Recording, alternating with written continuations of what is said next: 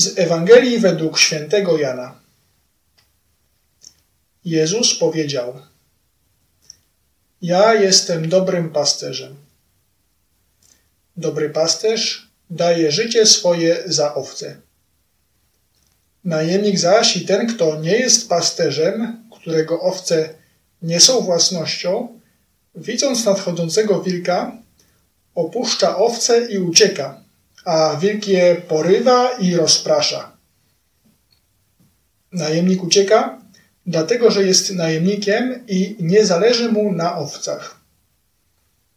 Ja jestem dobrym pasterzem i znam owce moje, a moje mnie znają, podobnie jak mnie zna ojciec, a ja znam ojca. Życie moje oddaję za owce.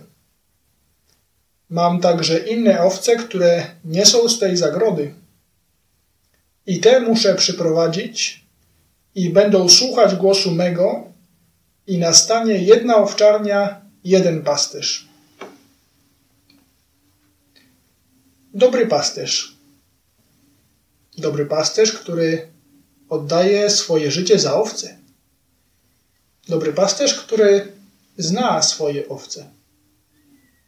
Możemy puścić przez chwilę wodze naszej wyobraźni pomyśleć o uśmiechniętym pasterzu we wspaniałej górskiej scenerii.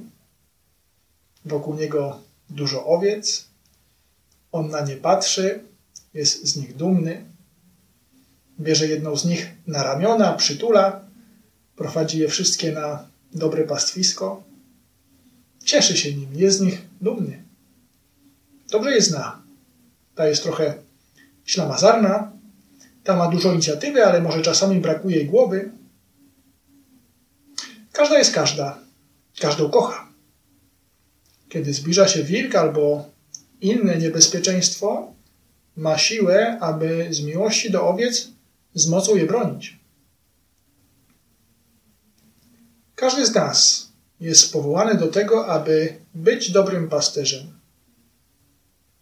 Wokół nas są ludzie, którzy zależą od nas. Nasza rodzina, dzieci, może mamy podwładnych w pracy, albo też przyjaciele, współpracownicy. Mamy powołanie i, i więcej, szczególną łaskę, aby troszczyć się o te osoby. Pierwsza rzecz, znać swoje owce. Dobry pasterz zna swoje owce. Mieć czas dla osób, które są naszymi owcami. Czas bezinteresowny, czas darmowy. To może wyrażać się w dbałości o wspólne rodzinne posiłki, niedzielne plany wyjścia za miasto, zrobienie czegoś szczególnego albo, albo też zwyczajnego, ale, ale razem. Umieć słuchać, co gra w duszy tego mojego dziecka albo tego przyjaciela. Dlaczego zachowuje się tak, a nie inaczej. Dobry pasterz zna swoje owce, słucha je i dlatego wie, jak do nich trafić. Najemnik, widząc nadchodzącego wilka, opuszcza owce i ucieka. Dziś obchodzimy uroczystość świętego Stanisława, biskupa i męczennika, głównego patrona Polski. I on był dobrym pasterzem. Kiedy widział, że wilk grzechu zbliża się do króla, nie uciekł, ale zwrócił mu uwagę z miłości. Chciał dobra króla, aby, aby wilk go nie porwał. Każdy z nas czasami staje przed sytuacją, w której widzi, że dzieje się coś złego, że na jakąś osobę z naszego otoczenia czyha wilk. W takiej sytuacji nie bójmy się mówić. Z roztropnością w odpowiednim momencie, może też pytając się o radę o osobę bardziej doświadczoną, ale też z mocą, nie uciekając. Zależy nam na tej osobie.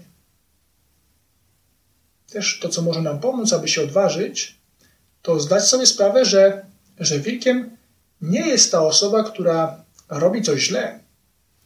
Ona właśnie jest owcą i chcemy ją uratować, a, a nie pognębić. Kiedy zwracamy uwagę z miłością, zwykle ta osoba jest nam bardzo wdzięczna. Czasami tak nie jest, ale nawet wtedy ten nasz wysiłek pomaga owcy, aby szła w dobrą stronę. możemy prosić świętego Stanisława o siłę, aby bronić naszych owiec.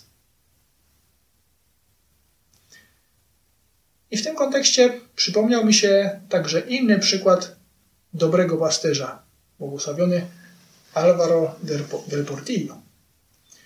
Historia, kiedy on jeszcze e, był studentem, studiował inżynierię i też na tych studiach inżynierskich zawsze jest dużo projektów, dużo rzeczy, które trzeba oddać, dużo rysunków.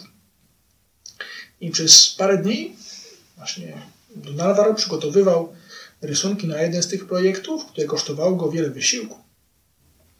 I któregoś razu młodszy brat, który sporo młodszy, pewnie jakieś 10 lat, czy biegał, czy robił coś nieodpowiedniego, ale w każdym razie wylał tusz na te e, dobrze zrobione rysunki swojego starszego brata.